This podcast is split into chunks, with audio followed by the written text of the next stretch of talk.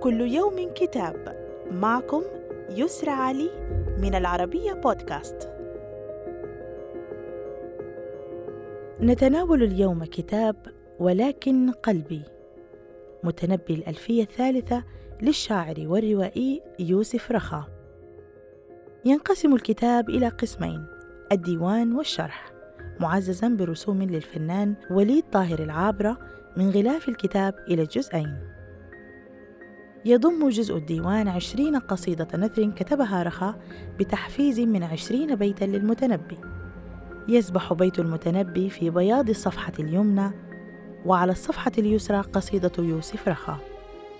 معارضة نثرية للمنظوم أو كتابة على كتابة حيث تتسلم القصيدة النثرية القول من البيت الشعري لتصنع مفاجأتها في كل مرة.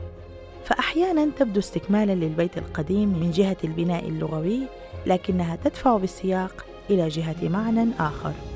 أما في قسم الشرح من كتاب ولكن قلبي نقف على مخاتلة أخرى حيث لن يشرح رخا قصائده أو أبيات المتنبي لكنه يشرح نفسه ويحاول أن يفهم ماهية الشعر في نص غاية في العذوبة.